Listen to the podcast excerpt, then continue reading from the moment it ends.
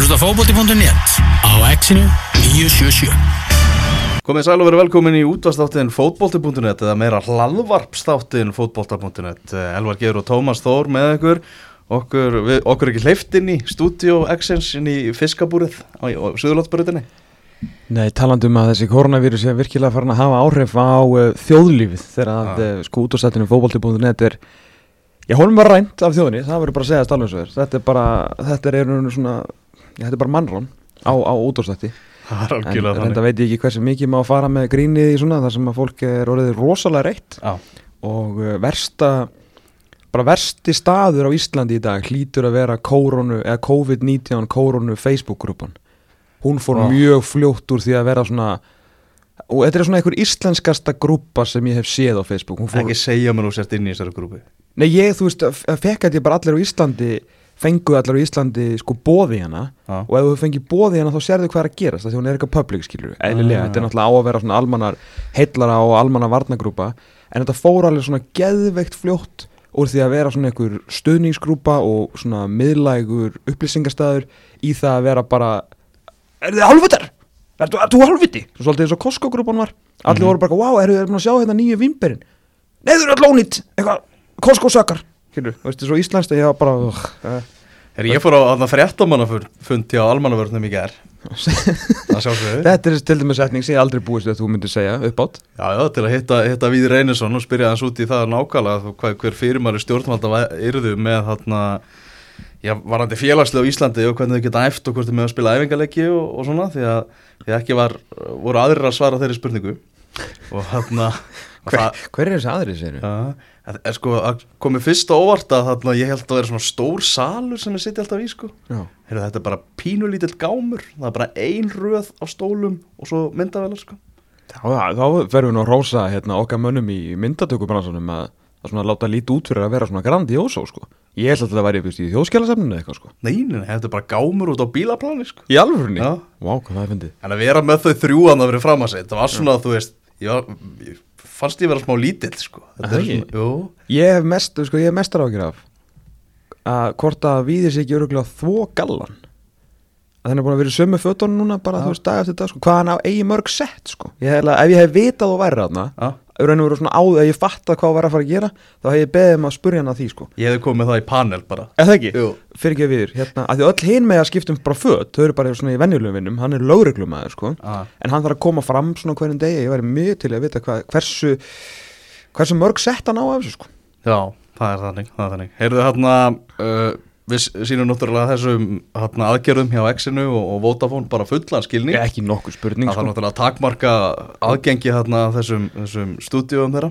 Meðan þetta, þetta stendur allt saman yfir. En við ætlum að vera rétt ímyndaðir bara krísufundin og hver, hvers, hversu margir það segir mér enginn að Heiðar Guðjónsson Ah. forstjóri sínar og þú veist nýjustu sko eigendur og stjórnamenn allar segja mér að þeir hafa ekki setið fundin þegar það þurft að taka þá ákvörun um að flagskipið fengi ekki að ganga inn í fiskabúrið. Það hefur verið hita fundur skilur ég bara síni, ég síni þessum yfirmönnum og þú veist þessum sko ákvarðan að töku fólki hjá sín svo mikinn skilning að þurfa að taka þessa ákvarðun Mhm. að hleypa okkur ekki þann inn.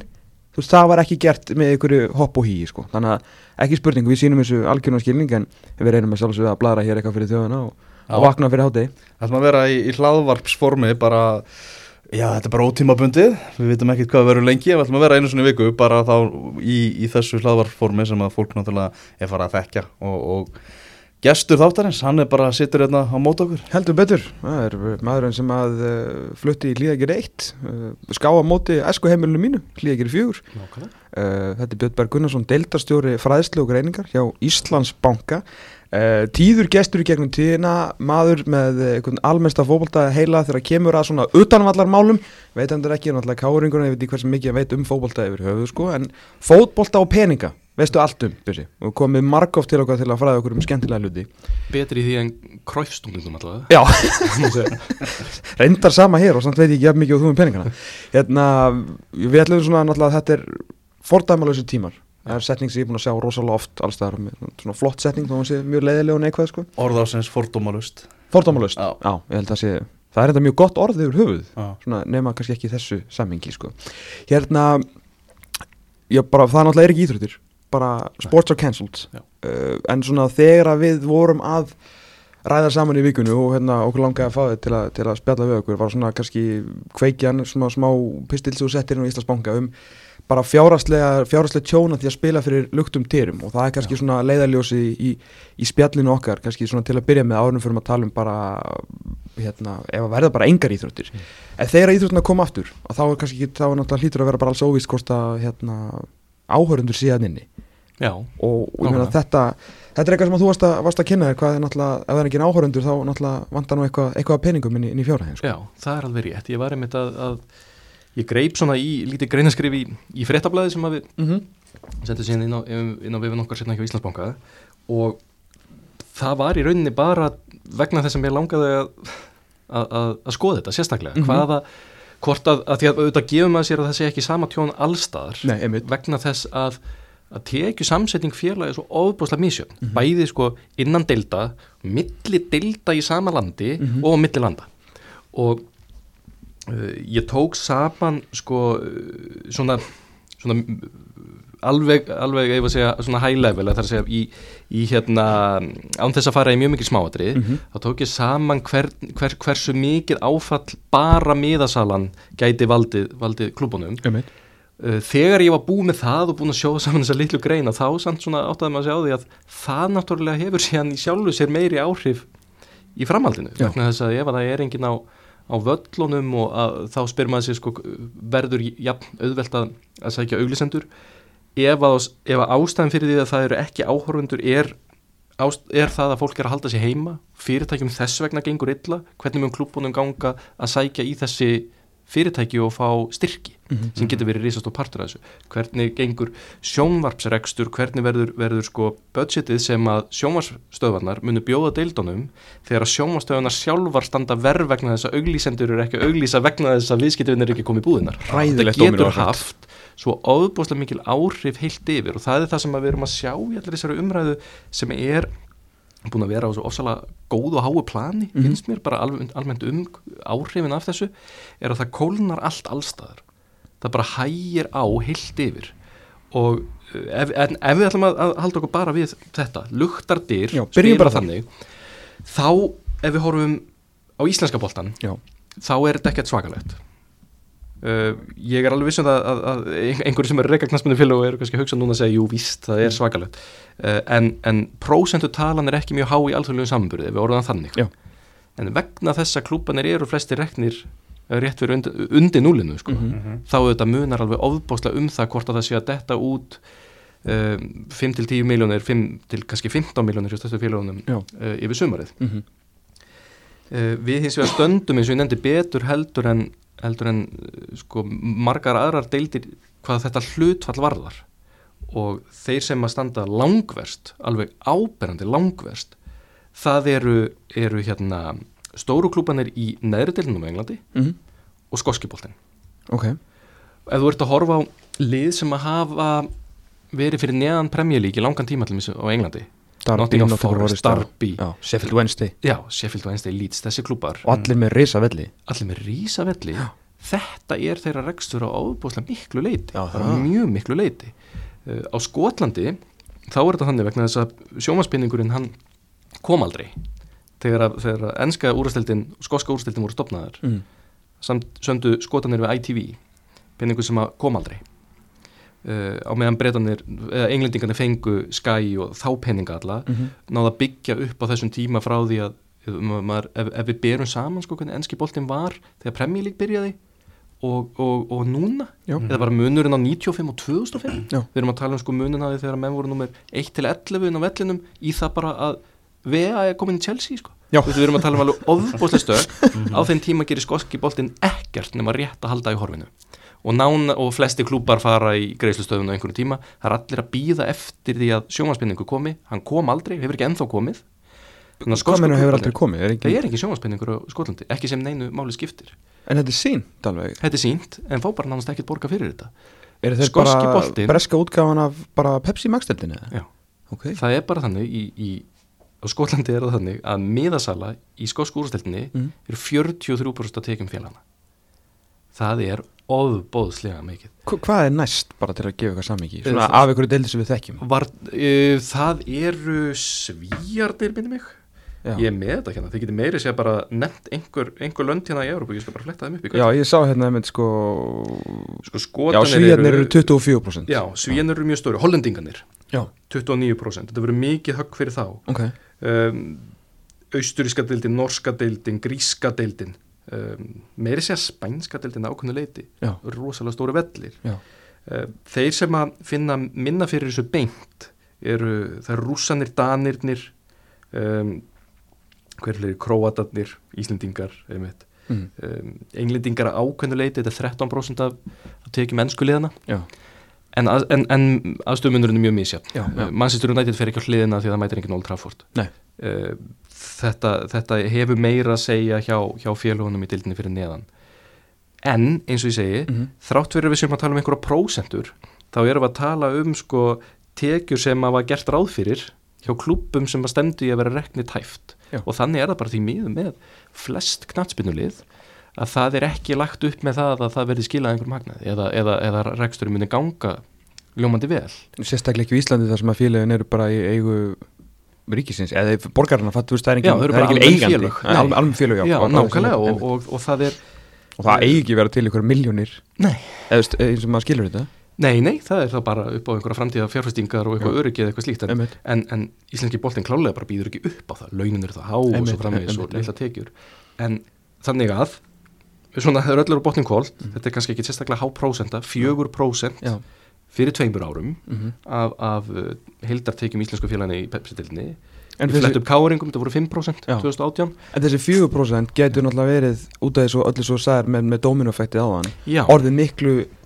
þessi 4% getur miklu svona áhrifa meiri 4% af því að fullt af öðrum tekjum munum vantilega ekki skila sér því að náttúrulega bara fjárhægurinn og efnahægslífið bara stendur í stað sko. Já, nefnilega og það sáum við auðvitað gerast í til dæmis í kjölfar hundsins þegar að, að eh, þegar að þetta högg dundi yfir til dæmis íþróttarheifinguna að geta ekki sótt í sömu aðlana varandi styrki Mhm. og auðlýsingar og áður og það er auðvitað ég er ekkert að segja að það verði þannig núna vegna þess að munurinn auðvitað á þessu því sem við erum að gangi ekki núna úr hruninu er að þetta er eitthvað sem sér alltaf fyrir endan á. Já. það vissi enginn í hvað stemdi 2008 en núna þá vitum við alveg að þetta við erum að sjá það bara í Kína þetta, þetta líður hjá. Já, já, og þá eru þetta ákveðin luxus hjá okkur að, að tímabili sé þó allavega ekki hafið að sé hugsanlega verði, verði, verði hérna ekki leikið ekki, ekki verði íslensku boltanum ekki bara lokað eða leikið fyrir luftum dýrum í allt sumar Nei. vonandi einhvern veginn leysist úr þessu þannig að tekju tapi verði ekki ómikið en það verður alveg klálega eitthvað og ég öfunda ekki þá sem eru núna að ringja og reyna að púsla saman einhvern veginn rekstrinum þessa dagana. Nei, sko, það var náttúrulega að vita að þetta yrði mjög erfitt. Við náttúrulega fjalla mikið um það í, í vetur að þetta, þú veist, í raun og veru ásess að svarta haustið ekki að koma fyrir næsta haust, sko, og það tengdist þess ekki neitt, þetta er náttúrulega bara bensin og bálið, hvað var það? Uh, ég meina, sko, the reigning cup champions eru auðlýsingarlausir framan á, ég meina, þú veist, það var nýbúið að stokka upp hjá Eimskip og TFG Simpson. Mhm. TFG er náttúrulega búin að vera stoltur hérna, styrtaræðili aðal spons hérna, byggamestara vikings núna í, í mörg ár uh, út af sollu. Og hérna út af miklum tengslum þetta við formannin en hérna en, en út af uppstokkunni hjá Eimskip og TFG Simpson um daginn þá hérna er, er TFG hefur, hefur yfirgið vikingi bíli og ég menna þú veist það er bara gengið bröðsulega að finna nýjan. Og bara út af sko almennum ástæðum Mhm. svo dætt þetta COVID-dæmi inn sko hérna þegar menn sem voru í óvissu og nú bara hvernig í fjandanum alltaf vikingar að finna eitthvað framann á, á sponsins sko, þetta er bara því að ég veit þetta skilur en, en þú veist, eflust er þetta hjá öllum félögum að reyna að sækja ykkur á fleiri tekjur Ég sko. meina þetta samkomubann sem að settir á í gær þeir eru strax farin að tala um það að því getur verið framlengt strax farin að opna fyrir það og hljóma svona eins og þessi bara líklega að það verið framlengt eh, heldur, heldur en hitt og 20. og annan þá, þá hefst uh, Pepsi Max detin Já. og það er hvað þetta líkur 16. april sem sagt upphaflu Já, upphaflu hérna það voru bara nokkru dagar í Pepsi Max detina Já. og það verður alltaf veit engin ennþá er það nokkuð, þú veist, hvort að megi æfa fótbolta, ég menna, þú veist, við gefum okkur, þú veist, deildar hérna, lengjubíkarinn er off. Já, uh, það verður vantilega ekki grindu neitt meistari meistarana uh, Mhm. og hvað er, já, það er svona þessi stóru leikir sem að kannski eru eftirfram á móti. Og þegar að áalluðu samgöngubanni er lokið og þá eru hvað, þá sex dagar í já, svolítið tæft Þetta er alveg rosalega tæft sko. En það er, ég var líka aðeins að reyna að róta því því svona hva, til hvers er hægt að grípa Já. ef að, ef að svona fer vegna þess að sko, það er nú þannig í öllum tilvikum að það er eitthvað, það er eitthvað samband fyrir ofan sko. þú ert með íslensku félögin sem að saman, má kannski segja eigi KSI eða standa að KSI og KSI á einhverja sjóði. Og þráttur að KSI mun alveg klálega að lenda í því að þurfa að fara yfir þessi mál líka Ah. sínmegin, að þá eru til einhverjar um síðustu áramót held ég að þetta hafi verið hvað, ekki, 700 miljónir eitthvað svolítið í handbæri fjö Já, ekki meira. Já, þannig að það, er, það eru til einhverju peningar uh, sem að, sem að sambandi við safna núna undirförnum árum eða frá við fórum á EM. Og, og það eru þetta peningar sem að félögin eiga þetta tilkall til í einhverju formi. Já, eða, eða landsliðin. En, en það eru peningar sem eru til. Uh, hjá Júfa það voru til 60 miljardar lausu fjö sem að og Júfa er þetta, það er alltaf stærri og stærri hluti uh, tekna íslenska íslensks fótbolta að koma frá Júfa því að Júfa hefur verið að stækka svo mikið út af EM. Mm uh, ef EM fellur niður og verður ekki þá sem eru kosta ofna ansi mikla já, bara yfirgnæfandi líkur já, ég held að það sé ekki verið að, að taka hérna fótboltahúlikana og segja um að hafa tvo metra á milli sín og láta það síðan fljúum alltaf Európi sko. það er, væri auðvitað algjörlega magna en, en hérna sjáu írsku stundismennina bara nei, það er ekki að leina einhver sem er. Nei, en uh, það, það er hérna eini kosturinn við samt að EMC eins og það er núna er að uh, það var ekki eitthvað eitt land sem að tóka á sig allar framkvæmdunar það voru, veist, það var komin tíma á þjóðuleikangi í Budapest. Veist, það, þetta er svona, það er búið að vera dreifis aðeins og parken þurfti bara aðeins taka um einhverju tuskur og svona bara aðeins til að gera þá klára einmitt. Þannig að hvað varðar sko þá sem hýsa EM þannig að er þetta bara sokkin kostnaður sem er bara farin en, en, en er ekki kannski að fara með neitt eitt, eitt þeirra á hausinn.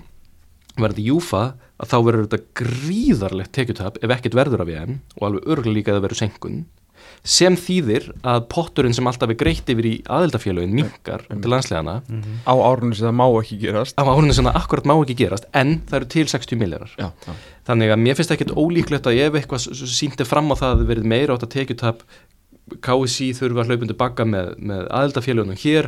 KSI leita til Júfa, Júfa á einhverja peninga og eða sem sagt samböndunum þetta saman með leita til Júfa nú er ég bara að fabulera en Já, mér finnst algjörlega. ólíklegt að þetta verið umræðan.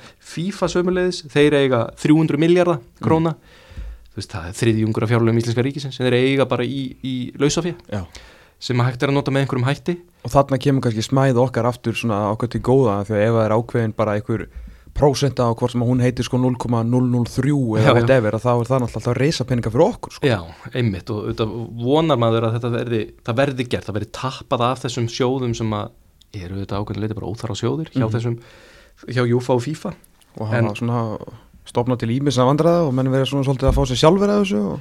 einmitt, nákvæmlega það er að klári sér málaferli á, á platinu þetta er eitthvað sem að ég held að hljóti núna að fara að byrja. Já. vegna þess að það fyrsta er það að reyna einhvern veginn að rýna í bara hvað er framundan síðan getur þú farið að verðleggja það. Eða svona tippa á það, slumpa á það hvað mun þetta kosta hva, hvernig munum við þá bjarga okkur? Já, og við erum að sjá það út um allt að það eru, það eru hérna, var ekki Sion Williamson núna að fara bara að borga fólkinu í, í höllinni, í New Orleans? jú, og, og þetta er svolítið að byrja það þarf að reka þessa klúpa áfram. Ef engi mætir á völlin eða ef að deildin fellur niður þá eru mennsand á samningum. Það þarf, að, það þarf að halda þessum klúpum gangandi. Og ég bara legg áherslu á það hversu viðkvæmur fótbolti er almennt að það er vegna þess að allir eru í samkeppni. Það er allir í samkeppni um að borga laun og kaupa leikmenn og komast upp á, eða halda sér upp eða komast í Evrópakefni það eru allir alltaf að tegja og spenna bóin eins og þeir geta eða allt og margir. Og þá má aldrei neitt út að bregða og við sjáum sko félög lenda í meirúta fjárhagsleirileikum af því þau fóru í Evrópadeildin ekki meistaradeild þannig að þið getið ímyndað ykkur sko hvað svona áfall mun geta kostað. Þannig að það er, fyrir Júfa er algjört líkilatri að EM verði á einhverjum tímapunkti. Ég sé ekki að það sé einhver, einhver ofbóðsleg sko tekju tekjulegur hérna einhver katastrófa fyrir þá eða verið 2021 um, að því gefniður muni geta haldið sömu tekjum og sömu spons. Mhm. uh, og þá er bara verður frólægt að sjá að leysa á því hvernig verður þá að kannski halda sameigilega en kalla og hvenna eða hvernig þetta hvernig þetta verður gert. En, þú en veist, það ef- verður að halda tekunum sko. Já, já, annars brotnar mótilið og aðeldar samböndin muni ekki geta gert ráð fyrir sömu reglulegu greiðslum og það bara bætir á vandan ef að, Pepsi Max deildin fyrir fram allan að eitthvað fyrir, fyrir luktundurum uh, eða bara, þú veist, fólk verður hreinlega bara hrættið að fara út, skilju, og við erum bara að fara að sjá einhverja, einhver nokkura hræður á, á hverjum leik, skilju uh, já, við byrjum okkur svona einhver kannski sem að geta verið fakta að verða fyrir luktundurum, Já. allavega til að byrja með uh, það, þá með náttúrulega, tekið stofnin svolítið uh, farinn, sko, allan einhver hluti á já. uh, mögulega ánda líka hérna, sem sagt, auðlýsinga tekjur og allt það sem að fólk er að sækja eða sem sagt liðin er að sækja auka peninga. Og þá náttúrulega munu félögin eiga í erfiðari málum með hérna, að greiða leikmönunum og þjálfurum að sjálfsögðu. Já. uh, hver er þú veist ég meina, maður getur ímyndað sér að íslensku tófóbolti eða eitthvað svona muni hafa, þú veist, eitthvað samræður um að eins og var í körfunni hérna þegar hröni kom að menn svona allir ekki að taka útlendinga og allir, allir að vera þú veist, í svona samstöðu um að reyna að draga niður launakostnaðin þú veist, hver er réttur, þú veist, eins og félagana og, og, og, leikmann, þú veist, er, er ekki þurfa, þau geta bara beðið til þess leikmennum að bara, heru, við bara borgum þegar við getum, skilju, en menn, veist, sam, Já, já, algjörlega, það, ég veit að það er bara akkurat máli það er auðvitað viljum að knassbyrnu menn eins og, og íþróttafólk njóti sem réttinda á aðrir sem þeir gera nú samt að mjög takmarkuðu leiti þeir Einmitt. mikið verktakar og svona en, en ég, nefnilega veit ekki alveg hvernig hvernig er best að, best að leysa þau mál. Mér finnst ágætis punktur sem að sem að hann, hann Palli félagi minn nefndi nú hérna hjá okkur um daginn hérna nýskipaðu formað KR þar sem að var að tala um þetta að það þyrfti að svissa ákveðnuleiti í, í, í sko árangustengdar greiðslur Já. úr föstna launagreiðslum. Og það er auðvitað eitthvað sem að væri hugsanlega hægt að hugmynd sem var þetta viðra að einhverju leiti að leikmenn sem hefur kannski tilbúinir að taka á sig minni fastar greiðslur gegn því að ef það rætist nú úr öllu þá munum þau svo sannlega njóta þess með einhverjum hætti. En ég þekki ekki hvernig, hvernig verður farað að þessu eða hvernig fordæminn hafa verið. En varðandi auglýsingarnar kannski svo ég svona, sker, við skerpum aðeins á því auðvitað Mhm. vona maður að sé nú flestir að það stutt í móta að sé búið að ganga frá flestum samningum að flest íþróttafélagin, fótballtaliðin sé nú fjármögnað fyrir sömarið, mynduðu ekki halda það það séu flestir svona meir og minna bara búnir að ganga frá sínum Jú, jú, jú, jú. Flestir, klálega, en ekki allir Sæfa sko. Svona, mynd, svona frætt okkur um, um, það að, hérna, að væri svona kannski já, að, að, að, að mestu liti komið fyrir þetta tímbil sko. Já. en 5-15 miljónir en, en það er samt oft peningur sem ámastu skilur, meðan þú er náttúrulega verið nálátt svona rekstri peningur sem á ofta dett inn í april-mæ sko. Og þá getur náttúrulega fyrirtæki sagt bara þú veist, að þetta kannski er nú oft bara svona já, herru við græjum þetta, samningar þetta er ekkit eitthvað endilega algjörlega meitlaði stein. Og þá er náttúrulega að segja örgulega, ég, ég ætla að ímynda með það að það verður fullt af fyrirtækjum sem segja í april-mæ þegar það þú veist, innheimtan hefst bara herru, við eigum ekki svona lausa fjárstöðu sko bara út á COVID sko. Fattur, þú veist, ég get ímyndið mér að það komið rosalegt högg núna í apríl sko. Já. en vissulega bara fabulering sko. já, já. ég myndi, ef, ég- ef ég hugsa nú bara persónulega fyrir mitt leiti ef að ef káringar hefðu samband við mig núna Mhm. nú er ég káringur og það er haft samband við mig og þeir myndu segja, þú veist alveg í hvað stefnir við höfum hérna áhyggjur, við erum að reyna að reyka klubbin ertu til í að kaupa ársmiða núna ég myndi gera það til þess að styrkja á já, einmitt, einmitt og ef að rætist úr öllu þá fer ég á völlin og allt í góðu Mhm. en ég myndi gera þetta. Og maður myndi líka kaupa uh, þú veist, maður myndi styrkja með einhverjum hætti ef það væri leita til manns. Og ég vona að verði svoleiðis, ég vona að verði þannig að næsta sumar fara allir íslendingar sem ætla að fara út í frí, þeir fara allir í Ítalíu í frí. Já, já, það þurfa bara allir að hjálpast að Já, einhvern já, veginn, já. að rétta þá af sem þurfa á því að halda. Og að það verði líka þannig með fótboltana. Ef að við sjáum fram á það að einhverju klúpar standi tæft sem Mhm. stóla mjög mikið á miðasölu kaupum miðana þeirra þó við mætum ekki völlin það Mhm. er allt í lagi. Ég hef alveg gert það áður, ég hef keift ársmiða hjá félagi og ég náði held í einum leik það sumrið, Mhm. sumarið, en það var styrkur. Og ef við höfum fjárhaldið bólmagn í það eða smá svigurum til þess að hjálpa þá held ég að það mætti alveg höfða til saminsku fólks í svona aðstæðum, ég held að fólk vilji nú alveg að íþróttafélagið er að þetta af. Mhm. ég hef engar ágjör að því að, að fótballtaliðið lifið ekki af. Nei, nei. en ég er bara að segja að þetta er svo óbúslega mikil óvissa og það er óþægild fyrir alla. Er óþægild fyrir leikmenn að vita ekki nákvæmlega hvernig þeim munum fá borgað eða Þú veist, Ég sé fyrir, fyrir mig strax sem er bara fundi með leikmannahópum það sem er bara að segja, heyru strákar það er bara svona er staðan Mhm. við getum ekki verið að borga ykkur til laun sem, að, sem að þið eru með núna sko. Eru ekki tilbúin að koma til mótsög okkur sko. ég meina þú veist og líka bara ef þeir ætla, ætla að spila og þú veist allt það skilju þetta verður náttúrulega rosalega erfið umræða en það þurfa náttúrulega einhvern veginn allir að, allir að taka þátt í þessu sko. Já. Já. Já. Þetta er, þetta er nefnilega ansi hart og það er En, en ef að hérna einspurningu, ef að, ef að móti verið felt niður bara, Já. við sem að mæ, já, vonandi ver- verði ekki sko, það sem myndur nú sumadild finnst manna ólíklegt og ég kannski kláraði svo sem ekki sóttvarnafræðina sko. En hérna en ef að mótið verður ekki spilað Já. er þá einhver grundvöllur fyrir félögin til að segja við leikmenn að veist, þetta fór ekki þetta fer ekki fram og þá skuldu ykkur ekki laun skilur, getið þá komið eitthvað svoleiðis blóðu bara Það held ég nú ekki. Ég, ég var í forvitin að vita hvernig félagin eru tryggð eða eitthvað svona kemur upp hvort að KSI sé tryggt eða hvort að það seti þá að leita í einhverja sammeila sjóði. Mér þætti nú svolítið ósangjönd ef að ef að það væri á, á langtíma samningi einhver staðar og svo er bara sagt að maður mun ekki fá borgað út af einhverju slíku sko. Já, já. ef að, ef að hérna, félagið er samt fært um að borga þá finnst mér þetta nú ólíklegt vita en þið þurfum eiginlega að komast að þessu. Já. en, en hvað haldið þið? ef að sko, ef að ef mótið verið felt niður uh, þá er náttúrulega líka spurning um það sko hvernig fer með allt í framhaldinu varandi hvenær byrjar undarkenni meistaradildar og Európa-kenni hvenær byrja þessir, er þetta ekki verið júli Jú, Já, já, það var bara mitt sumar já, af því að, að sko þeir hluti það sem að mestu peningarnir eru í fótboltanum það eru sko á versta tíma. Það er play-off í championship Já, núna í lók tímubils og það er það eru þeir sem eru að komast sem sagt, litlu, litlu löndin, litlu klúbandi sem eru að reyna að komast í þess að potta snemma sumar, eða sem sagt, já, sí- síðla sumar til þess að komast inn í hérna fórkenni, Európa-kenni Já, það er svo annað, ég meina þú veist hérna, bara eins og FH sem ætla að vera mikið talað um, að þeir gerðu stórkostlega vel undir lók síðasta tímabils að hérna rífa sig upp úr, úr byggar volaðinu og hjóla sér inn í, inn í Európa-deildina Heldur sem eru svakalega mikilvæga peningar fyrir öll lið sem komast þangað og í sérlegi FH í talnögjum eins og Viking núna sko. Já, já, og ef að þeir, þú veist, hvað verður um það skilur fá, þú veist, ef að móti verður ekki munu þeir þú veist, verður það felt niður og bara byrjað á nulli í Európa-keppninu skilur frá því síðast? Já, já. maður bara, og hvernig mun Júfa og FIFA borga þessa peninga? Það er líka það, hvernig mun Júfa borga peninga sem að þeir fá hvergi? Nákvæmlega. Já, já, þú veist, þeir, þeir, eiga, þeir eiga til varasjóði já, og það er auðvitað það sem að líka er talað um allstaðar og það er mjög góð ástæði fyrir því að þeirra verið að tala við eins og samstagsmenn minn hérna Jón Bjarka hagfræðing sem að þeirra verið að spurja sko hvernig stöndum við Íslendingur, það er alltaf verið að segja það, við, við stöndum, það er eh, sennilega mjög fá lönd sem eru jætn vel undirbúin fyrir eitthvað svona þegar eitthvað kemur vegna þess að við skuldum lítið og erum búin að sapna sjóðum og, og höfum eitthvað svörum það má alveg sama segja og kannski þú veist ég veit ekki hversu oft ég er búin að vera að bölva Júfa og FIFA að vera alltaf að skilja einhverjum miljandi hagnaði þegar þetta eru peningar aðeldasambandan Mhm. en nú reynir þá á að sína hversna var verið að sapna þessum peningum Akkurat. Vegna þess að þetta er ekki þeirra peningar þetta eru peningar aðeldasambandana og síðan aðeldafélaga þeirra sambanda. Þannig að núna ef, ef ég var í Guðni Bergson þá færi ég núna bara strax í pólitík. Myndi reyna að grúpa saman og, og, og ringi út um allt og reyna að fá samböndin til að pressa og pressa og pressa og pressa á Júfa að sækja þessa peninga tæmið þess að sjóðið þurfi ekki eigin að vara sjóðið þurfi eitthvað til að dekka það ef það verður ekki júru, eh, hérna, Európa-keppnið eða eitthvað slíkt.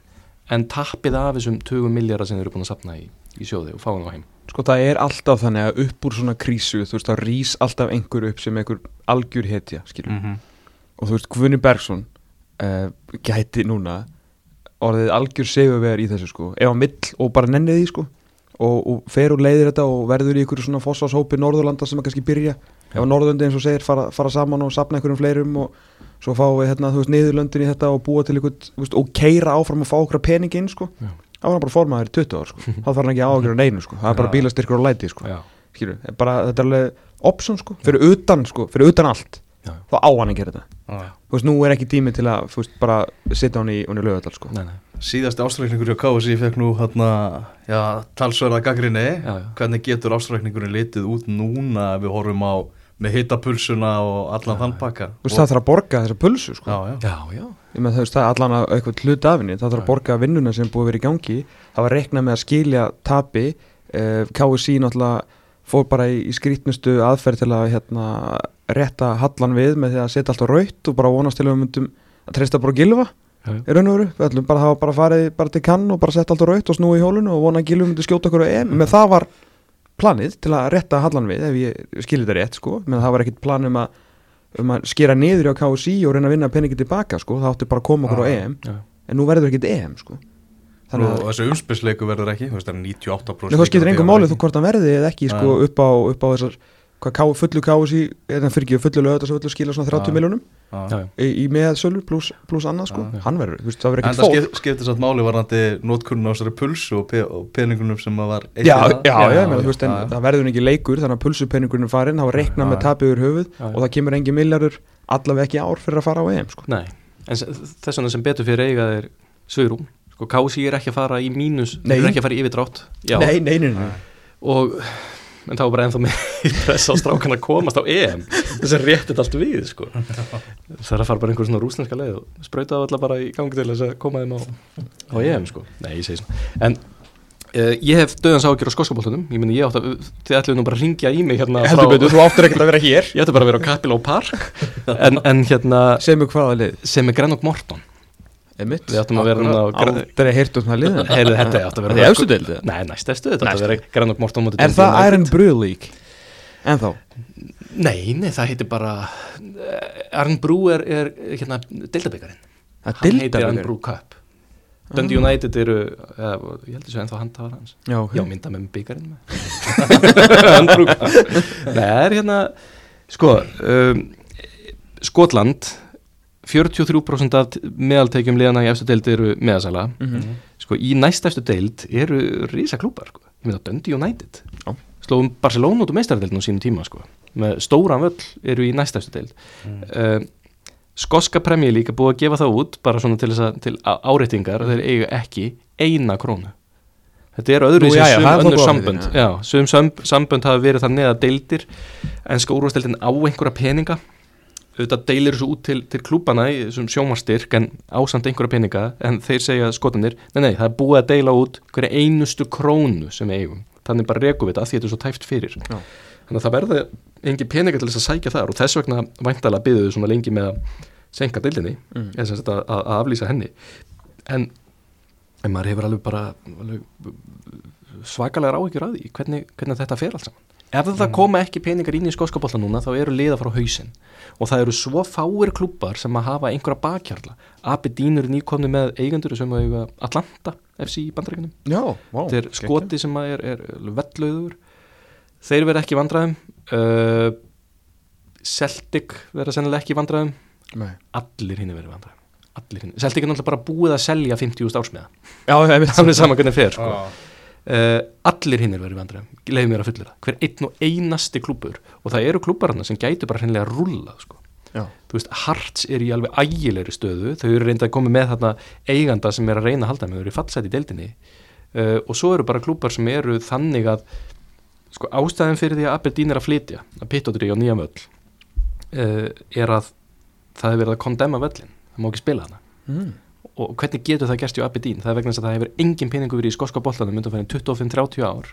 Og þá gerist þetta með alla velli, það drabbast allt niður um að Celtic Park. Og þau megi ekki við neinu. Þannig að það geta alveg verið þannig að við erum að tala um það svona hvernig komum við þessu í gegn og hvernig náum við, þú veist á Ísland að tala við leikmenn okkar og retta spónsið eða eitthvað slíkt. Skoski boltin getur verið að líta bara á fjölda gjaldþrótt fótboltaliða sko klassískara frægra fótboltaliða.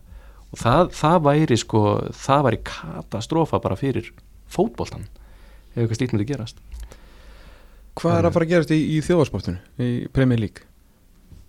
mjög góð spurning, hvað finnst ykkur að, að hvernig á að gera þetta? Á að taka, ég meina, við höfum eitt fordæmi, sko, vegna þess að það sem er svo mikilvægt við að það er að bera svolítið saman ennska fótboltan við, við hérna NBA þegar verkfalli voru sínum tíma í NBA Já, það bara styttuðu deildina en tóku samt playoffs. Já.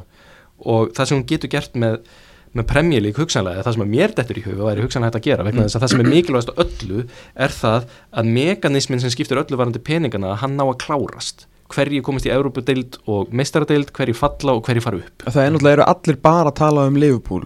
Stuðnins með Liverpool hafa miklar ágjur af því að þetta verði sko verra en þegar Steven Gerrard rann. Já, já. og allir hinnir eru sko grenjand og hlátri Já. yfir því að þetta verði alveg svo þegar Steven Gerrard rann. En það er enginn að tala um liðin í einmitt. þú veist United á því líkri Já. siglingu mögulega bara geti, geti náð fjórðasættunum þeir ekki einu svona vonast eftir City Mm. Sheffield United og leikti góða þeir getur komist yfir, eða að með United ég glemt að opna þetta hérna og hérna, og veistu, komist í, í Evrópudeild sem er nú þokkalegu peningu fyrir þá og svo fallið Já, svo er það fallið og, og, og, upp úr og Championship Championship sko. og þess vegna hef ég verið að velta fyrir mig hvort það sé ekki þá eðlilegast að hliðra deildinu með þeim hætti að þegar að það er aftur hægt að fara að spila fótbolta þá verður þetta klárað og næsta sísón verður bara stitt þá tekur ekki tvöfalda umferð.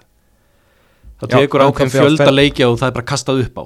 Eh, þú veist, það er einhver sem fær sitt í tvísvar og eitthvað, þá bara, það er so sorry en, en Já. verður bara kastað upp á og þetta verður bara leiðrétt þannig, það verður bara tekin svona stutt útgáðan NBA tímabilinu 2020-2021 Mm. Til þess að leifa þessu að klárast með eðlum hætti. Svo er önnur líka ríkalegt þegar þú segir manstu þegar Liverpool var meistari? Já, en samt manstu, þú veist, það má ekki alveg taka En sko, málið er, bara þetta er svo, svo bleitant dæmi uh, með þessi tvölið sem ég nefndi þetta Sheffield United og, og Aston Villa. Já. Aston Villa er í 19. sæti eins og staðan er akkurat núna, þeir myndu bara cancelað og þeir myndu bara falla sko, og við skulle bara tapa fjórum í röð. Ski, það ekki, skiptir ekki máli. Þeir eru með 25 stig ef þeir vinna þennan leik til góða þá fara þeir í 28 stig og myndu veist, faktist halda sér. Sheffield United eru í 7. sæti með 43 stig. Ef þeir vinna þennan leik sem þeir til góða þá fara þeir í 5. sæti með 46 stig upp fyrir Manchester United Já. sem að geti mögulega verið Champions League sæti. Messi og Bramall Lane. Ok.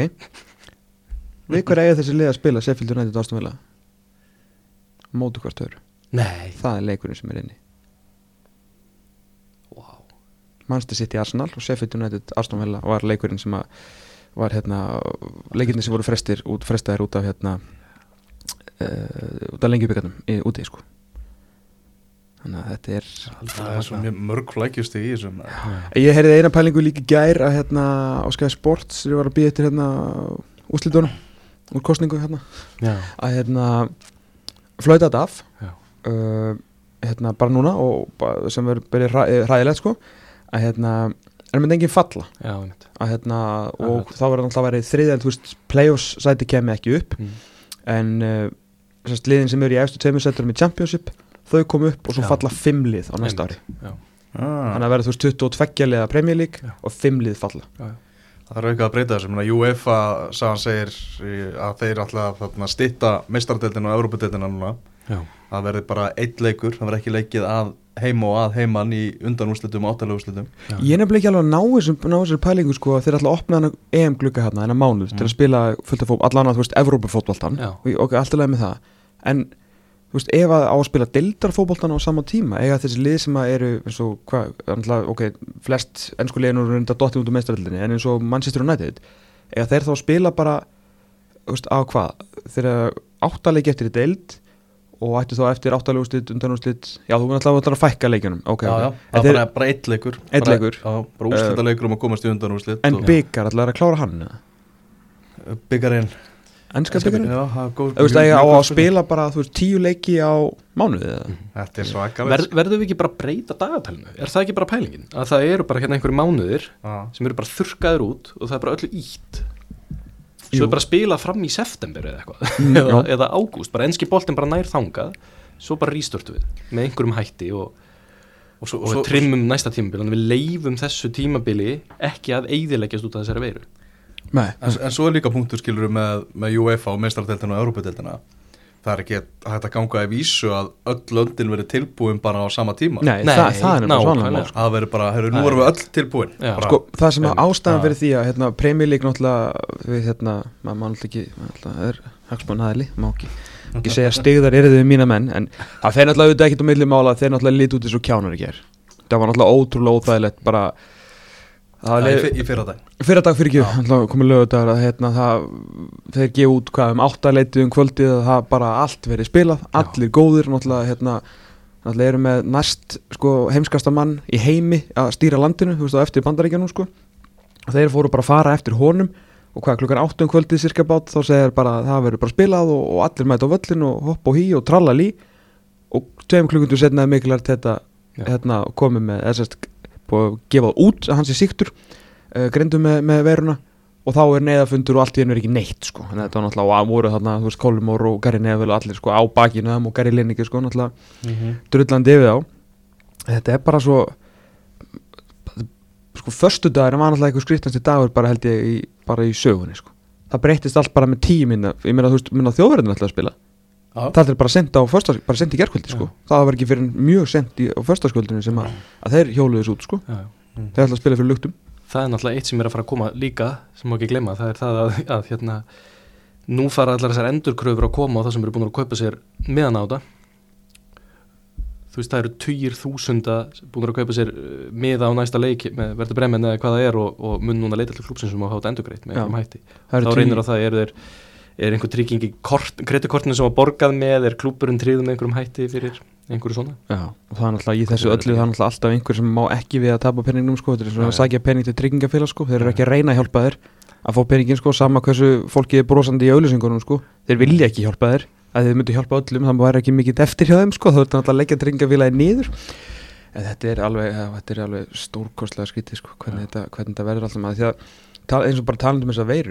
ja, alltaf að sko ástæðan, eina af ástæðanum fyrir því að englendingarnir voru ætla ég að giska svona sultu slakir yfir þessu öllu saman er náttúrulega því að miða við allt og allt er allt bara svona í bara í blóma eins miklum blóma verður á, á Breitlandsin Já, sko. þú veist stóra stökkið eins og kom fyrir just, í Noregi og Danmörku þegar allt í hennu þau fóru því að vera bara með hérna reglulega fundi og allir nokkur slakir í því að bara loka landamærunum sko. að því að kom þetta svakalega stökk í Noregi og svakalega stökk í Danmörku þetta stökk er ekkit komið í Breitlandi sko. Og eftir því sem að tíminn líði núna ef að menn halda það að þetta verður sko tveggja vikna pluss þetta gerfi hérna landslíkjalli hjá eh, Englandi og svo bara byrjaði 4. apríl það er rosalega tæft það er svakalega og hæpið að því að síðan kom bara frétnar í dag bara í morgun, áður en við fórum að hérna, taka upp útastáttinn það var stefnað í samkominbann á Englandi sko Já. Sem að kannski hefur engin áhrif fyrir fótboltan og næstu vikunar þar sem að þeir eru búin að setja sjálfa sér raun og í, í samkominbann Já. en það er bara tímaspursmál hvernig 50 pluss miljón manna þjóð tekur eitthvað stökk í veirunni Já, já. og þeir þurfa að fara í alvörun að panika sko. Já, þetta er, og ég, ég, einmitt, ég er algjörlega samanlega með hvað þetta gerist á óþægilegu tempo. Ég fekk, fekk línu á fymtaskvöldið um það, ég átti flug föstasmórni, Mm. fekk línu á fymtaskvöldið, það er hérna, engar ágjör að vera spilað í skoskabóltanum. Síðan tökum við þessa ákvörðin, heyr, við erum ekki að fara út, af því að það geti verið þess að verið cancelað, við erum ekki að fara, eh, kannski að taka sens nú að vera hérna á flugöllum og koma svo aftur í vinnuna og það var náttúrulega gaman að vera síðan stattir einhverstað í Inverness og þurfa bara að drífa sig heim og eitthvað sko. Uh, síðan á í gerðmorgun bara þegar að, að við áttum við vorum bara hérna lokandi augunum við Palli ég myndi sér hvað verður nú gaman að vera að fara í gennum tollin bara og vera að koma inn bara í treyjunni og fara bara að keira söður eftir til Dumfries það sem við áttum miða í gerðkvöldi á, á hérna Queen of the South á móti Air United Já. svakalegur svaka sko að þá hérna Já, er með Ypsilon náttúrulega Já, það getur rétt. Sjálfsögðu. Já, já, nágrann að Kilmanok Nefna hvað, þá, þá hérna þá kemur bara þessi lína þá fær maður bara, heyrðu, skóski boltin off og bara það er ekkert að fara að frétta hérna og, og, og hérna, og við hefðum bara literally verið einhver staðar við vestuströnd og suð, bara einhver staðar í Stranraer eða einhver staðar í suðvestur hérna Skotlandi bara að fá tíðindin að, að við varum að fara í fíluferð til Dumfries sko. og og nú er allt off og engi leikir og maður veit ekki hvernig þetta hvernig þetta fer vegna þess að það er engin eins og þeir eru nefna sko, þú veist þessi tvekja veitna gluggi ef hann er ekki samfærandi um leið og við vitum einhver svona, einhverja lokadagsýningu Mhm. þá gætum maður hugsanlega farið að leggja mat á það hvort að einhverju haldið út og aðrir ekki sko. -hmm. En þangað til er bara allt í frosti sko. Já, þannig er allt í frosti og þá er líka svo óþægilegt sko, meðan þeir í frosti að þá þeir sem að þurfa að leggja mat á þetta til þess að geta sponsað þetta eins og samböndin og, og félögin og allt það Mm. mm. að, hérna, já, þessi stóru sambönd þau væntalega vita ekkert hvað það þarf mikla peninga Nei. þau veit ekki hvað þetta er að fara að vera mikið högga þau veit ekki hvað þetta með vara lengi það er stóra málið sko Og svo náttúrulega má ekki gleyma í öllu þessu sko, að þeir sem að stýra eins og félag, ef við förum aftur hans í Pepsi Max stildina að, að hérna, náttúrulega oft hefur verið talað um það að, hérna, kannski þessi skortur á náttúrulega mikil velta af fólki í, í, í, hérna, í stjórnum íslenska félaga og náttúrulega margir eru kannski allt og margir eru svona semi, svona, semi ítti inn í þetta þó kannski þeir verði síðan upplöðu stjórnamenn og fólk vil náttúrulega allt fyrir félagin sem gera já. uh, F-fáingar náttúrulega hafa mikið talað um hvað eru svona lítil mentun í svona þú veist fótboltastjórnunar fræðum sko því þeir hafa Mhm. mikið verið í svona samtökum hérna samfloti við European Club Association Já, er SCA ekki og, viðar í stjórni jú, aðra stjórnunni uh, að hérna hvað hvað íslensku félagin eru mögulega ekkit endilega svona mann svona hvað var að segja svona manneklulega í stakk búin til þess að glíma við svona sko Já. að því að síðan er þetta náttúrulega bara allt fólki í 100% eða flest allt fólki í 100% vinnu sem Já. er allt í hennu kannski annarkvort í sótkví eða að reyna að jögla einhvers konar vinnu með börnum sem að með ekki fara í skólan og En það svo- góða er að það verið samt vera í ansi mörgum stjórnum, í ansi mörgum klubbum, fólk sem að maður getur ímyndið sér að sé að fara að eiga við nákvæmlega sama dæmið á vinnustandu sínum já, já, og, og það er rekstrar fólk mikið í klubbuna núna Já. sem að kann á basic hluti eins og, eins og það að hvernig átt samskipti við bankanum að láta framlengja í láni eða hvað þetta er sko Já. Þú veist, þessi hlutir sem að gætu reynist mjög dýrmætir En ég vona Woodward, að þekkingin sé til staðar sko. einmitt. en Ed Woodward vinnur bara við að halda mannsýttur með þetta gangandi sko. já, já, já, veist. einmitt skilur, Friðrik Magnússon vinnur ég veit ekki, mann ekki eins og hvað að vinnur, var einu sinni í Íslandsbanka og hérna, þú veist, samhliða því að vera formaða knarspölda vikingi, skilur, þú veist, þú veist og það er ekkit öll, bara ég er svona til dæmi, sko já, já. En að því þú myndist á, hérna, að því við ætlum að reynda að tala um það á eftir, hérna, og ég alveg, sko, svona ætlum að koma með hugmyndu fyrir fólk að hafa eitthvað að gera. Já, eitthvað fótboltalegt að hafa eitthvað að gera og meðal annars náttúrulega að horfa á fótboltaþætti og fótboltamyndir, að þú myndist nú á myndist Já, South Park eða? South Park? Nei, Dave Bassett, sorry, já, sorry, ég sá ekki þetta neðst já, Já, Mike Bassett, England manager maður. Það er náttúrulega já. uppáhaldsmyndið þín já í heiminum. Hún já. tækið sko. En sem að þú myndist nú á Queen of the South. Já, þá er nú hægt að tala um eina bíómynd sem að eflaust fáir hafa séð.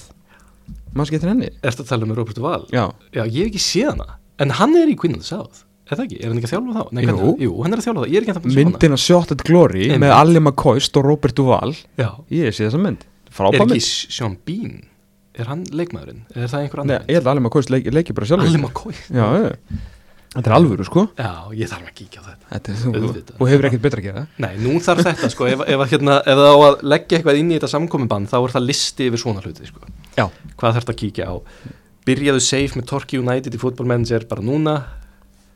Það er nægu sem- tími þeir eru komnir upp í Premier League. Þú held þessi margir Ég held að verið sko fjölda skráning núna hérna, í E-íþrótta, hérna, rafíþróttunar það held ég ljótt Já, Þetta sko FIFA hérna verður aldrei sterkar heldur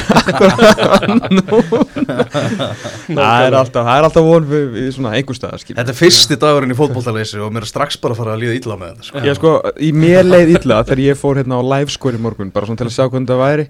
En svo sáum við Ronaldinho hann hvað skoraði hann ekki 5 og laði upp 6 Hver? Ronaldinho í fangelsisleikunum í Paraguay. Er jú, alveg rétt ég held að Ha? hann- ég held að hann skora 5 og laði upp 6 Já, ok. Þeir voru að keppa. Ronaldinho komin í fangils í Paraguay strax jú. átti að spila fótbolta. Já, já voðalega, hvað kom fyrir too big to fail eða skilur? Hvernig getur Ronaldinho farið í fangils ég held að það myndur alltaf reddast sko.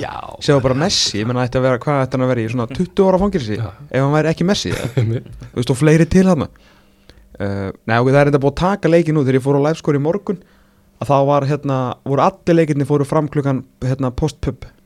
já, postponed, en það er búið að taka allir út núna sko.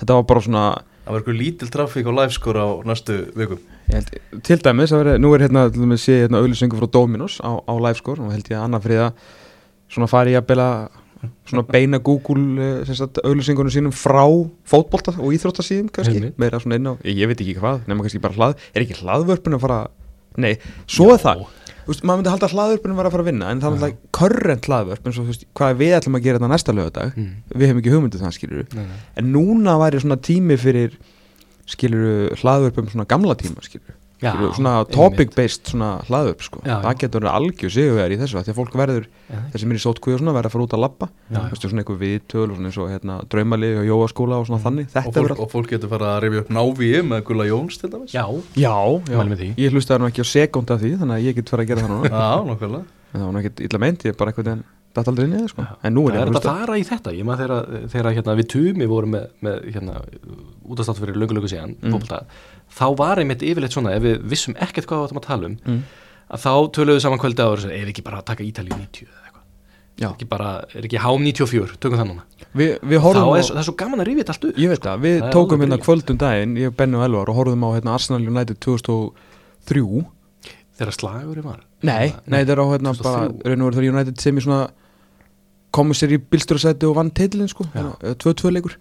Og hérna og því að nú bara, nú þurfum við bara að fá hérna Benna í sko, hverju viku til að, þú veist, nú það bara þurfum við að vera með gamla leikin Já, já, já. Þú veist, við vorum með svona alls konar, alls konar pælingar hvað ætlum að gera, ég með dætt í hug hérna drottnararnir, að fá, þú veist, svona 2-3 úr skagalinu 92-96 Já, 2-3 úr káurliðinu 99-2003 og svo F-fáliði sko og mögulega hérna Sú hugmynd er náttúrulega bara samþygt sko. Við er erum að fara að gera það sko. Og sikkot mannin úr hérna, val og fram sem unnu hérna 85, 86, 87, 88 til skipti sko. Já. það voru svona rosa leikir sko. já.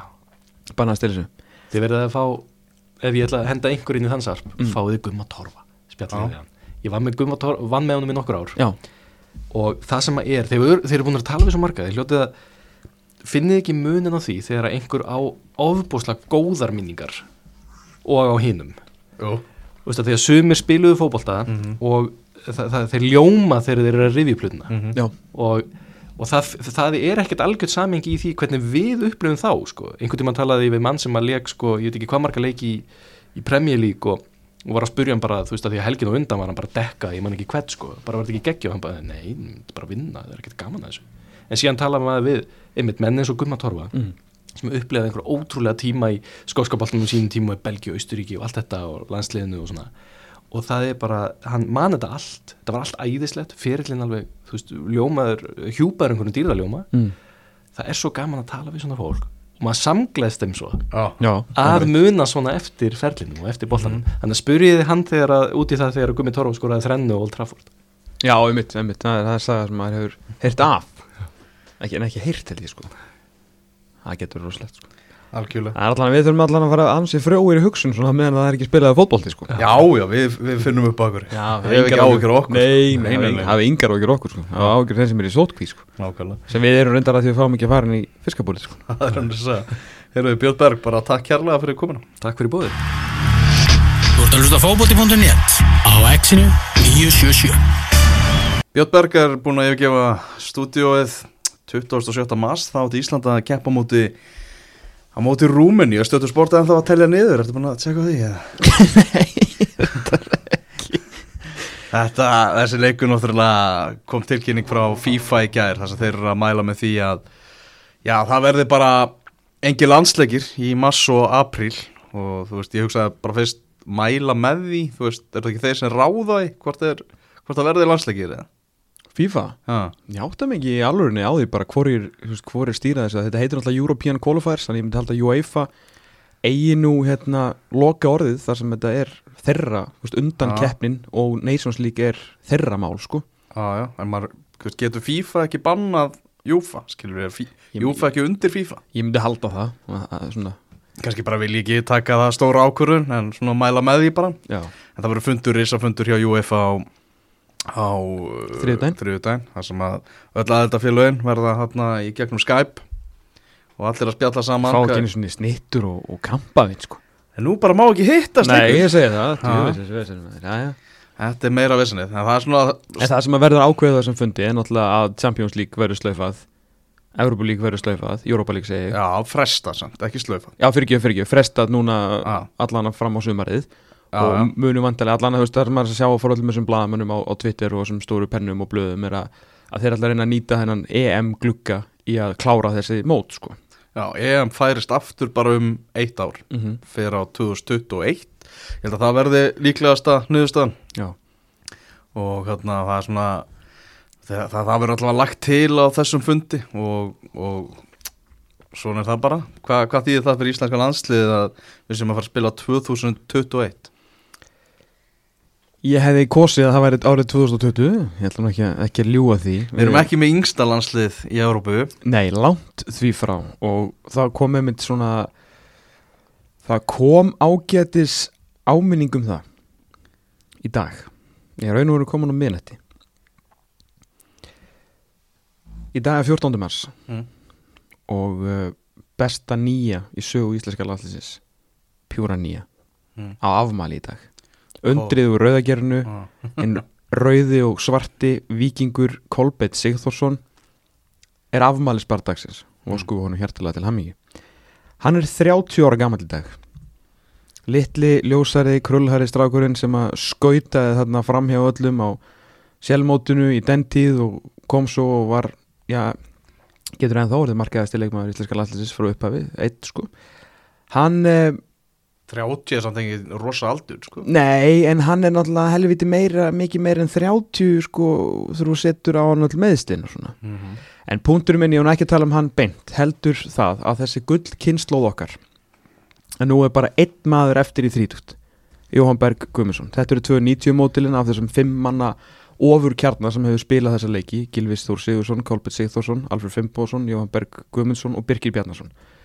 Þeir voru alltaf fleiri hérna, þú veist þessu Rúrik sem, á, hérna, sem hafa gert, heldur betur gert sitt í þessu í gegnum tíðina. En uh, af þessum fimmana ofurkjarna uh, þá eru 290 mótel, það er annars að vera Kolli og Jói Berg. Og Jói Berg verið þrítur í, í oktober þannig að þetta var bara svona, ég fór bara að hugsa skilu hvað að því ég hef svo margóft sagt hvað þessi menn eru eldri heldur en þrítut þurru tölur, mílur og tanki og meðsli Alfred Fimboðsson getur valla haldið sér á löpum því miður. Jón Berg Gummarsson hefur valla tekið þátt í þessu tímbili vegna sífældra tókna eða sast hérna vöðamesla og meittur aftur núna og bara vantilega tæpur ef að leikurinn hefði farið fram. Kolbjörn Sigþórsson hefur náttúrulega glindu meðsli frá hann að 12 ára sko. Og Aron Einar Gunnarsson sömulegis lendi sínu. Eini maður sem hefur verið af þessum öllum sem hefur verið bara nokkuð eða tveir eða Birki Bjarnarsson reyndar hefur verið bara nokkuð frískur alltaf og, og síðan Gilvið Þór þannig að þetta er ekkert að henda okkur neitt sérstaklega vel. Ég veit ekkert, ég veit ekkert af hverju Jói Berg ætti allt í unna að fara vera bara heill, heill tímabil. Ég veit ekki af hverju Alfred Fimboðsson ætti allt í unna að fara að vera heill, heill tímabil. Skilur ég vona það á öllum lífs og sálar kröftum en ég veit ekki alveg hvað ætti að breytast nema þeir myndu fara á hvað Tom Brady mataræði og bara borða avokado og byrja í jóka og eitthvað sko. Þú veist, eitthvað þurfa að gera ef þeir ætla líka bara að framlengja sína eigin ferla. Þeir eru algjör syndi ef þetta færi eitthvað svona að drabbast meira niður hjá þeim uh, já meira, þú veist, þeir eru frábæri þegar þeir spila, þeir bara spila ekki nógu mikið af, af fótballtalegjum uh, Raki Sig búin að vera meittur þú veist, uh, hann náttúrulega ekkit, eitthvað ofurgamall en samt, skilur og svo náttúrulega Kári Átnarsson Kári Átnarsson verður, sko, hann verður búin að vera ennþá lengur hérna heima og það verður vantilega ennþá að, að tjastla honum saman fyrir eitthvað Európamót og var nú ekki svona, þú veist, umræðan var nú að hann ætti að taka þetta og svo myndi nú koma að því að hann myndi þakka fyrir sig þegar það kemur að Nations League hvernig verður Nations League, hefust? Sko það að tala um það að verði jafnvel bara lagt niður veist, verði bara ekkert neins og slík Um mitt. Það er sem ég tel bara mjög líklega. Já, algjörlega, sko, minna þá er, þú veist, hvað þú veist, hvað á, hvað á að gera í þessu, sko, við erum að, þú veist, með aldra landslið uh, hérna í- Já, Kári verður 38 ára. Kári verið 38 ára, þú veist, þetta átt að vera skilur mómentið, við ætlum að koma okkur með ráðum og dáðum á EM 2020, á EM allstaðar og svo átti bara svona jæja, hvað nú sko. Já, að við vildum fara á þetta mót þetta var orðið, ekki bara vildum þessi strákar fara á þetta þriða mót, þjóðin vildi auðvitað sjá þetta allt saman, þú veist, við erum búin að halda meira og minna í sama horfið með þessa stráka veist, bara stoppa rosalega mikla nýliðun meðal annars að því að því þessi nýlegar hafa ekki verið nú góður til að taka sætin af, af mönnunum sko, sem, sem eru liðinu og margir sem hafa fengið sens hafa ekki verið nú góður bara til að já, veist, ekki gert nóg til að vera eitthvað, gera eitthvað tilkalli að fara fram fyrir þessa menn. Og þetta er bara þannig að þegar við spilum á okkar besta liði, okkar besta liði ennþá er kannski með tvær breytingar við frá liðinu sem að spila á móti Portugal, þú veist, í Santagen 2016 sko, þú veist, þetta eru bara staðrendir en þú veist, gefur þetta okkur eitthvað tækifæri til að virkilega fara að stokka upp í spilunum þú veist, hvað ætlum við að gera? ætlum við að halda hann að halda núna í sama horfið í rúmt ári viðbót eða þú veist, ári, ég veit ekkert hvernig þessi rúmeníuleikur fer síðan fram, sko, og, og ungurileikur þú veist, hvernig verður þetta? og hvort að þjóðadeldin verður bara hvena verður næsti landsleikur hvernig verður næsti landsleikur? Já, og þú veist, ímyndaði hvað þetta er óþægilegt fyrir, fyrir hérna, Erik Hamren og, og Freysa að vera þú veist, hugsa núna að ef að móti fyrir ekki fram fyrir hann næsta ári ætlaði þá að spila á Kára Átnarsinni og, Ragga. Uh, ætlaði að þú veist, hérna, að treysta það að Jói verði alltaf, ætlaði að fara að blóðka Mikael Andersson hérna, enn frekar, því hann er kannski svona eitthvað jákvæðasti, en ekki svona jákvæðasti kantmaður sem við sáum svona út úr síðustu leikjum. Mhm. bara eitthvað nafn Arnór Sig, minn alveg sama skilur Já, eitthvað sem ungu strákum. Þú veist, þá að fara að blóðga þá okkur enn frekar að því að við þurfum að fara að hugsa um að þessi stráka verði kannski ekki allir á, á bara klárir þegar það kemur að þessum rúmeníu leikjum á endanum sko. Veist, þetta er bara einhverjum almesta óvisa sem ég nokkuð tíman nokkuð tíma vitað um. Það er bara algjörlega þannig sko. Og bara það er erfitt að tala um þetta því maður veit ekki hvað mun gerast og hvað mun verða sko. Nei, emi, það, það er nefnilega málið sko.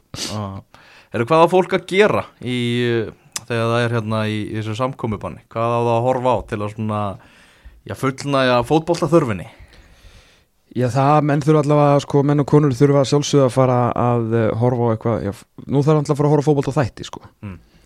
Uh, menn alltaf óhætt, þessast, uh, til dæmis að byrja því að tala alltaf bara um Söndirland til að dæ, Já, fyrir þá sem eru með Netflix, þá, og það alltaf er bara, ég trúi season, ekki, season 2 er á liðinni já, ég trúi ekki að Netflix alltaf býða til hvað, 4. apríl, þeir eru bara að droppa þessu skot, Nákvæmlega bara eittur og bingo, sko, en ef þið eigi fyrir þá þurfum við að, að hjóla í hana. Vákvæði öfund ykkur ef Já, er hana Það er það svona að fluga á vegg heimilda þettir um, um Sönderland og ekkert venjulegt tímabil hjá fótballtaliði sko. Nei, þess að fyrir þá sem ekki þekkir það þá var þetta þannig að eigandi Söndiland var svo handviss um að liði myndi hjóla sér upp úr Championship Já. eftir að liði fjall að hann ætlaði sér að selja félagið og ætlaði að auka verðmæti Söndiland með því að hafa svona heimildamind í kringum þegar félagið myndi koma upp sko. þannig að er því svolítið svona er því svolítið húplum ha þegar að Söndiland kemi upp og það væri til heimildamindum um en í staðið náttúrulega fór allt í skrúfuna og rúmlega það. En af einhverjum skemmtilegum ástæðum ákveður að hleypa þessum tökumennum aftur að sér á tíumbilinu í, í League One. Þannig að ég get ekki beðið eftir, eftir að sjá það sko. Heyri, það einn mynd til það sem, að, sem að Next Goal Wins hvað mynd það er? Ég hef heyrt þetta, ég maður ekki. Já, þetta er hérna mynd sem að fjallar um uh, bandarísku Samoair landslið þeirra. Já, Þeir töpuðu 31-0 á móti Ástralíu mm. og ég veit ekki hvað það séu ennþá neðstir á FIFA-listunum, bara lélasta landslið í heimi. Já, og þetta er heimildamind um þá það er það sem þeir eru að búa svo undir undakefni HM í, í Brasilíu. Og eru með rosa metnað og fá alvöru þjálfara og svona. Þetta er next goal wins, bara finnið þessa mynd sko. Hérna All or Nothing seríunar á, á Prime, ég veit ekki hvað þessum margir eru með Prime, ég borga hérna Prime stoltur, svona Já. þúsund kalla mánuði þráttur að horfa heila aldrei á þetta. En svona þegar að dettur eitthvað inn eitthvað skemmtilegt. Þeir eru með seríu sem heitir All or Nothing. Uh, þar sem að Manchester City var einmitt og Tottenham verður núna næst sko. Manchester City serían er hörmung en þegar þið hafið ekkert betra að gera en að horfa á hana þá á að fínt að horfa á hana. Þetta er ofleikur Pep Guardiola veist, er, þetta er bara mín persónulega Já. mér finnst það algjört, mér finnst það serið hræðileg sko. en, en svo sem náttúrulega skemmtilegt insight og mikið inn á fundum og hérna uh, fundum og, og inn í búnisklefa hjá Master City en það er aftur á móti droppaði núna fyrir ekki löngu síðan All or Nothing, Brasilia Brasilíska landsliði náttúrulega búið að vera svona í smá vesinni og, og í miklum sárum eftir sjö etapið á heimavelli á sín tíma en þeir voru með Inside Access Amazon uh, í All or Nothing seríunni þegar þeir tóku sér til og unnu Copa America á heimavelli á síðustu leitið og ég er búin að horfa á fyrsta senuna þegar þjálfurverðin Títi er með svona fund og það er, þetta lofar alveg virkilega góðu sko, hann kemur einhverja trillta setningu sem var bara eitthvað þú veist hérna þú veist, eitthvað, þið megi gera mistug þið megi ekki bara vera aumingjar skilu þú veist, þið verða að þóra þannig að ég held að ég mæli sterklega með þessu Mhm. og svo er sömulegis á, á Prime hérna, ekki að ég sé eitthvað á, á samningi þar en bara því að ég með þetta opið hérna Inside Borussia Dortmund uh, mæli ég líka með. Já, nákvæmlega. Svo er náttúrulega þættur um Maradona hérna á Netflix hérna. Mexico Já, þættirnir. emitt, emitt, Ég emitt er mjög gaman að þeim. Já. uh, uh, Það er óhætt að mæla með Gudjónsson í sjónvarpi Símans. Já, og þetta gera það. Geggja þettir já, já. Og Gary Neville þáttanum Já, og sömulegis inn á, hérna, á Símins sportmöpunni Sokkerbóks þættinir, þeir eru margir hverjir algjörlega frábærir þá sérstaklega þess að ég hef séð Steven Gerrard uh, Wayne Rooney og eru alveg geggja þettir sko. Ég ætla að fara að horfa á hana góðsagnir efstu dildar áttur Já, sem að Garðarminn gerði Já, Já, ég hérna höfði magþátturinn er bestu þar en það hjálpaði ég Garðari mest við hann. En hann er frábær sko. Hann er algjörlega frábær höfði magþátturinn já síðasta setningi í honum er, er bara þú veist að hún er, æ, hún er æði sko. Mm. algjört æði. Uh, en sko Damned United. Þú ert búin að sjá hana? Er ég búin að sjá hana? Já. það er ein, ein uppáhaldsbíómyndin mín Já, bara alveg segði fólki frá Damned United. Heyrðu það Brian Clough. Mm. uh, 44 dagar sem hann átti sem stjóri Leeds. Mm. byggt á, á samlendri bók. Já, þetta er já, bara byggt á sannleikanum. Já, fjölskyldar hans vill nú ekki meina það Já, það gekk ímislegt á þegar þessar 44 dagar sem á við stjórnvölinn hjá Leeds og, Mhm. og þetta er alveg enda Brian Clough bara eitt svona skemmtilegasti karakter fótboltans ég er Í- bara sá skemmtilegast því það verður ekki Já. toppaði sko en fyrir svona yngri hlustundur sem að það ekki til þá náttúrulega Brian Clough einn merkasti hans að besti knarspundistjóri sem aldrei uh, fekk að stýra ennska landsliðinu Mm. uh, á sem sagt svona 99% af öllum svona setningum sem eru flottar sem þið hafa heyrti gegnum tíðina að hann gerir Darby að englandsmeisturum á sínum tíma og lendi síðan svona í smá basli og kom síðan upp og gerir Nottingham Forest að englandsmeisturum og, og tvöföldum Evrópumeisturum mm -hmm. hérna, en sem sagt, þegar hann var með Darby á, á, á sínum tíma þá var besta liðið í landinu Leedsliðið sem var svona hvað var að segja, það var svona forveri leiðilega Chelsea-liðsin sem að Jose Mourinho bjóð til svona grófir og hjóluga dómurunum en þeir voru það í bara hundraðasta veldi því að náttúrulega knastbundu reglurnar voru ekki komna það langt. Mhm. og þetta lýtslið hérna á, á sjöunda áratögnum er bara eitt hataðasta fótboltalið ennskur sögu. Uh, en hann náði svona að yfirstíga það, gera darbi að mesturum en fekk síðan lýts starfið og mætti meðal annars á fyrstu æfinguna og sagði hérna frægu setningu að þið getið tekið allar ykkar medaljur, allar ykkar orður og bara allt sem þið hefði gert hendi þessu beinustu leið í ruslafötuna þið hefði aldrei unni neitt með bara á heiðarlegan hátt. Og ótrúlega satt og tóku leikmennir ekki sérstaklega vel í þetta. Þannig að þetta sem myndir algjörlega frábær sko. algjörlega. En sko það er nefnilega ekkert mikið af góðum svona fótbollamyndum uh, til. Uh, þannig þannig séð, Pelemyndin er alltaf læg hérna sem var gerð 2016 Já, það að tala um leiknarmyndir ég leiknarmyndir Já, sko það er fullt af flottum heimildan Já, já, endalur Já. sko en, veist, en hérna, það er bara ekkert nógu mikið af, af, hérna, af góðum fótbollamyndum Playing for Keeps, romantic comedy hérna með Gerard Butler, er hörmung. Og þetta fjalla líka mjög, því miður mjög oft um hérna svona krakka fótbolla í bandaríkjanum sem er náttúrulega algjör djók sko. Mhm. eh, Ég mæla náttúrulega alltaf með gól. Já, gól. Gól er, gól er mjög góð. Og og Bend It Like Beckham. En ekki horfa á Gold 2 Living, eða jú, þið megið að þið eru í sokku megið að horfa á Gold 2, Mhm. Living on Dream þegar hann fættir Real Madrid, það er í lægi en ekki horfa á Gold 3 Sást þú hann að sjá Lín Sokker Nei, ég hef viljandi aldrei hort á hana. Green Street Hooligans. Kringstrit Húligans, já. Mm. Mike Bassett, England manager. Já myndist á er- hann, hann á hann hérna? Já, Það er náttúrulega ógæðislega að fyndin mynd sko. já, já. Heimildamynd, Two Escobars. Það er náttúrulega mynd sem að maður þarf að fara að horfa aftur sko. Já, úr 30 for 30 í seríunni. Já, þess að var að tala um hann að Andres Escobar sem að skoraði sjálfsmarkið ádreifaríka á HM 94 og náttúrulega blandaði, blandaði þessu saman við Pablo Escobar. Já, ég bara veit ekki hvað Þau eru búin að tellja upp allt sem var gert eða? Nei, nei, það er fullt af, fullt af dót. Það er líka myndalna um franska landslið á Netflix. Um 20 ár í, á franska landsliðinu. Aha, og það er náttúrulega hefur verið rosaleg dramatík ofta tíðum í kringum frakkana. Þetta er, það er skemmtileg mynd, mann ekki hvað hann heitir. Eitthvað svona frösku nafni. Ok, ok. Uh, Maradona Les 86 Bleus. Já, já, Le Bleu. Le Bleu, Le já. Bleu Já, Það er betri framburður hjá þér. Já góður í ég, ég, Ótrúlega lélur í frösku með hvað ég komið óþægilega ofta sko. Já, Myth of Carinthia, Mysteries of the Remade Trophy Þú veist, það eru nokkrar góðar hérna fótbolta heimildamindir í 30 for 30 seríun sem þið getið, kynnt ykkur sko. En ég veit ekki, ég held að ég ætla allan að byrja á núna það fyrsta sem ég er að fara í að ég náttúrulega hef haldið uh, statt og stöðut með brasilíska landsliðinu síðan 1994 þegar ég horfði á uh, þegar ég horfði á HM í litla 14 tómi túbusjónarpinu upp í meira og minna upp í sumabústað uh, og var svona smá snjóri við, ég ætla alltaf svona laga loftnetið ég er orðin þetta gammal sko og uh, ég ætla að fara að horfa nú á brasilíska landslið vinna, vinna Copa America sko. Já, þetta, þessi, þetta er hljóma vel. En hvað, er, er eitthvað hlaðvörp eða? Ætla að ná við, gott sjátt, ég ætla að fara að hlusta á það núna. Já, algjörlega. Uh, eru svona eitthvað svona fleiri svona söguleg sem mann eftir eitthvað viti? Nei, Er það, er, eða svona viðtals eitthvað? Já, það er góð spurning.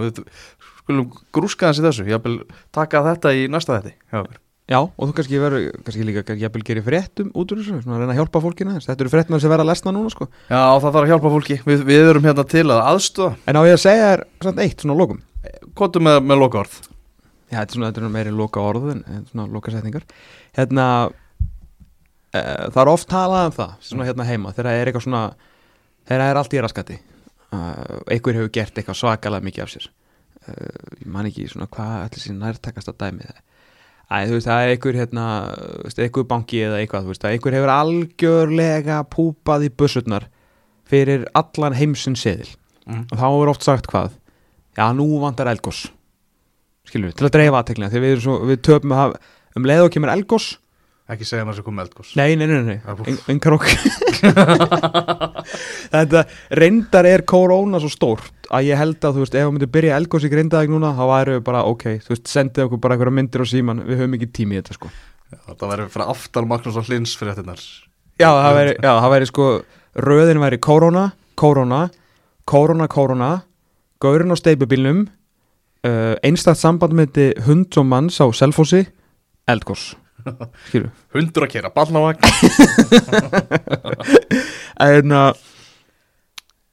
ég skal segja þér að það var einn maður sem að fekk svo sannarlega eldgos. Mm. hann heiti Carlos Cordeiro, veist hvað það er? Nei, það er uh, fórseti eða sérst bandariska knaspunni sambandsins ok. Uh, eða ég skal frekar orða þetta þannig hann er fyrverandi fórseti bandariska knaspunni sambandsins af því að í, já, 12, já, í fyrra dag sem sem þetta er búið að vera í gangi núna í nokkra að- og rúmlega það að bandariska kvennalandsliðið Já, besta kvennalandsliðið í heimi já, og stærsta kvennalandsliði heimi hefur verið í baróttu fyrir uh, jafnlunavottun eða bara launa réttlæti innan knastbundu sambands bandaríkjana því að það er fá vægasagt ekki sama borgað og, og strákarnir og hafa ekki verið alveg að, að kaupa það. Svona kannski í því samingi að þær eru fjórfaldir heimsmeistarar og fimmfaldir olimpíumeistarar eða auðvitað og uh, söpnuðu meiri tekjum eða öfluðu meiri tekna fyrir bandaríska knaspunni sambandi frá 2016 til 2018 heldur en kallalandslið sem hefur náttúrulega aldrei gert að raskat í bala og náttúrulega getur ekki neitt og komst ekki svona ásíðasta háum þrátt fyrir að vera náttúrulega í, í djók undankeppnin í Konkakaf uh, þannig að það er hérna og náttúrulega njóta gríðalisturnings meðal annars leikmanna bandaríska mm. kallalandslið sem að heimta það hafa sérst, sagt ofinbellega að þeir vilji að þær fái jafn mikið hérna er þetta bara eitt dæmi að, að konurnar sem eru náttúrulega miklu stærri uh, fá sem sagt 5.000 dólar er rétt tæpa, 5.000 bandarækjadali uh, fyrir að spila í bónus fyrir hérna, æfingaleg eða vináttuleik á maður kallarnir geta fengið allt upp í 13.000 dólar og það eru vilja sagt fá þessa jafnlunavóttun uh, ef, ef það er rétt orð, ég kannski kann ekki nota það, vilja bara fá sömu laun. Sömulegis vilja fá greiðslur tilbaka sagt hérna bóðagreiðslur upp á 66 miljónir dólar sem að þá skiptist á, milli sagt milli leikmanna Þetta er náttúrulega búið að vera í, í, í gangi núna og sagt, þetta er farið uh, hérna, fyrir, fyrir domstóla og hef, hef, sagt, málið hefst 5. mæ. Mm. Þetta var sérst forsaðan. Nefn að lögfræðingar bandaríska knæspundu sambandsins uh, skiluðu inn sem sé skjölunum fyrir, uh, hérna, fyrir málið núna á dögunum, er bara í fyrradag. Bara, bara ofinber skjöl, skil, þetta er bara svona þeirra lýsing á því hvað þeir að fara að segja sem allir verða náttúrulega að gefa út. Uh, þeir sögðu þar í þessum skjölum stendur bara á blaðinu að konur fá minna borgað heldur en kallar að því að hvenna fótbolti þarf, þarf minni minna level af getu, hraða og gæðum heldur en að spila kallafótbolta og þú getur rétt ímyndaðir hvernig þetta fór ofan í konurnar svona á árunni 2020 Já. og öllum sem standa með þeim. Eru, og þetta var sjálfsögðu kom þetta akkurat upp á meðan að þær voru að vinna enn eitt mótið sípi lífsköp og heimavalli stappfullur völlur allir öskrandi equal pay equal pay. Og þá koma löffræðinga bandarinska knarspundi sambandis út með það að konu, þess að hvernig fókbólti sé bara léleiri heldur en kallafókbólti og þeir skrifit á blað sko.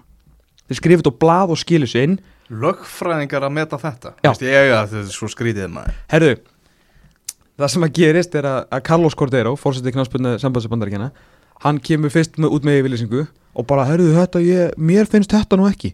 Þetta, veist, þetta nú bara eitthvað svona, svona lögfræðingunum finnst. Svo kom svona 8 mínútur setna kom önnur yfirlýsing. Ég hef ákveðið að segja að mér þannig að hann bara misti og, og er eitthvað svona með þykið að miður ég hef ekki lesið skjöli nægilega vel yfir árundu var byrt og, og ég þarf því að segja af mér þannig að hann sagt, drullaði á sig fyrir allan peningin ah. let sagt, þessi skjöl fara út meðan hann er í sko, baróttu við sínar eigin konur sko, eh, og misti starfið sem eh, knarspunni stjóri eða fórseti knarspunni samhansbandaríkina hmm. en ég raun og veru veit engin að því að því að korona er búin að slökka á heiminum sko.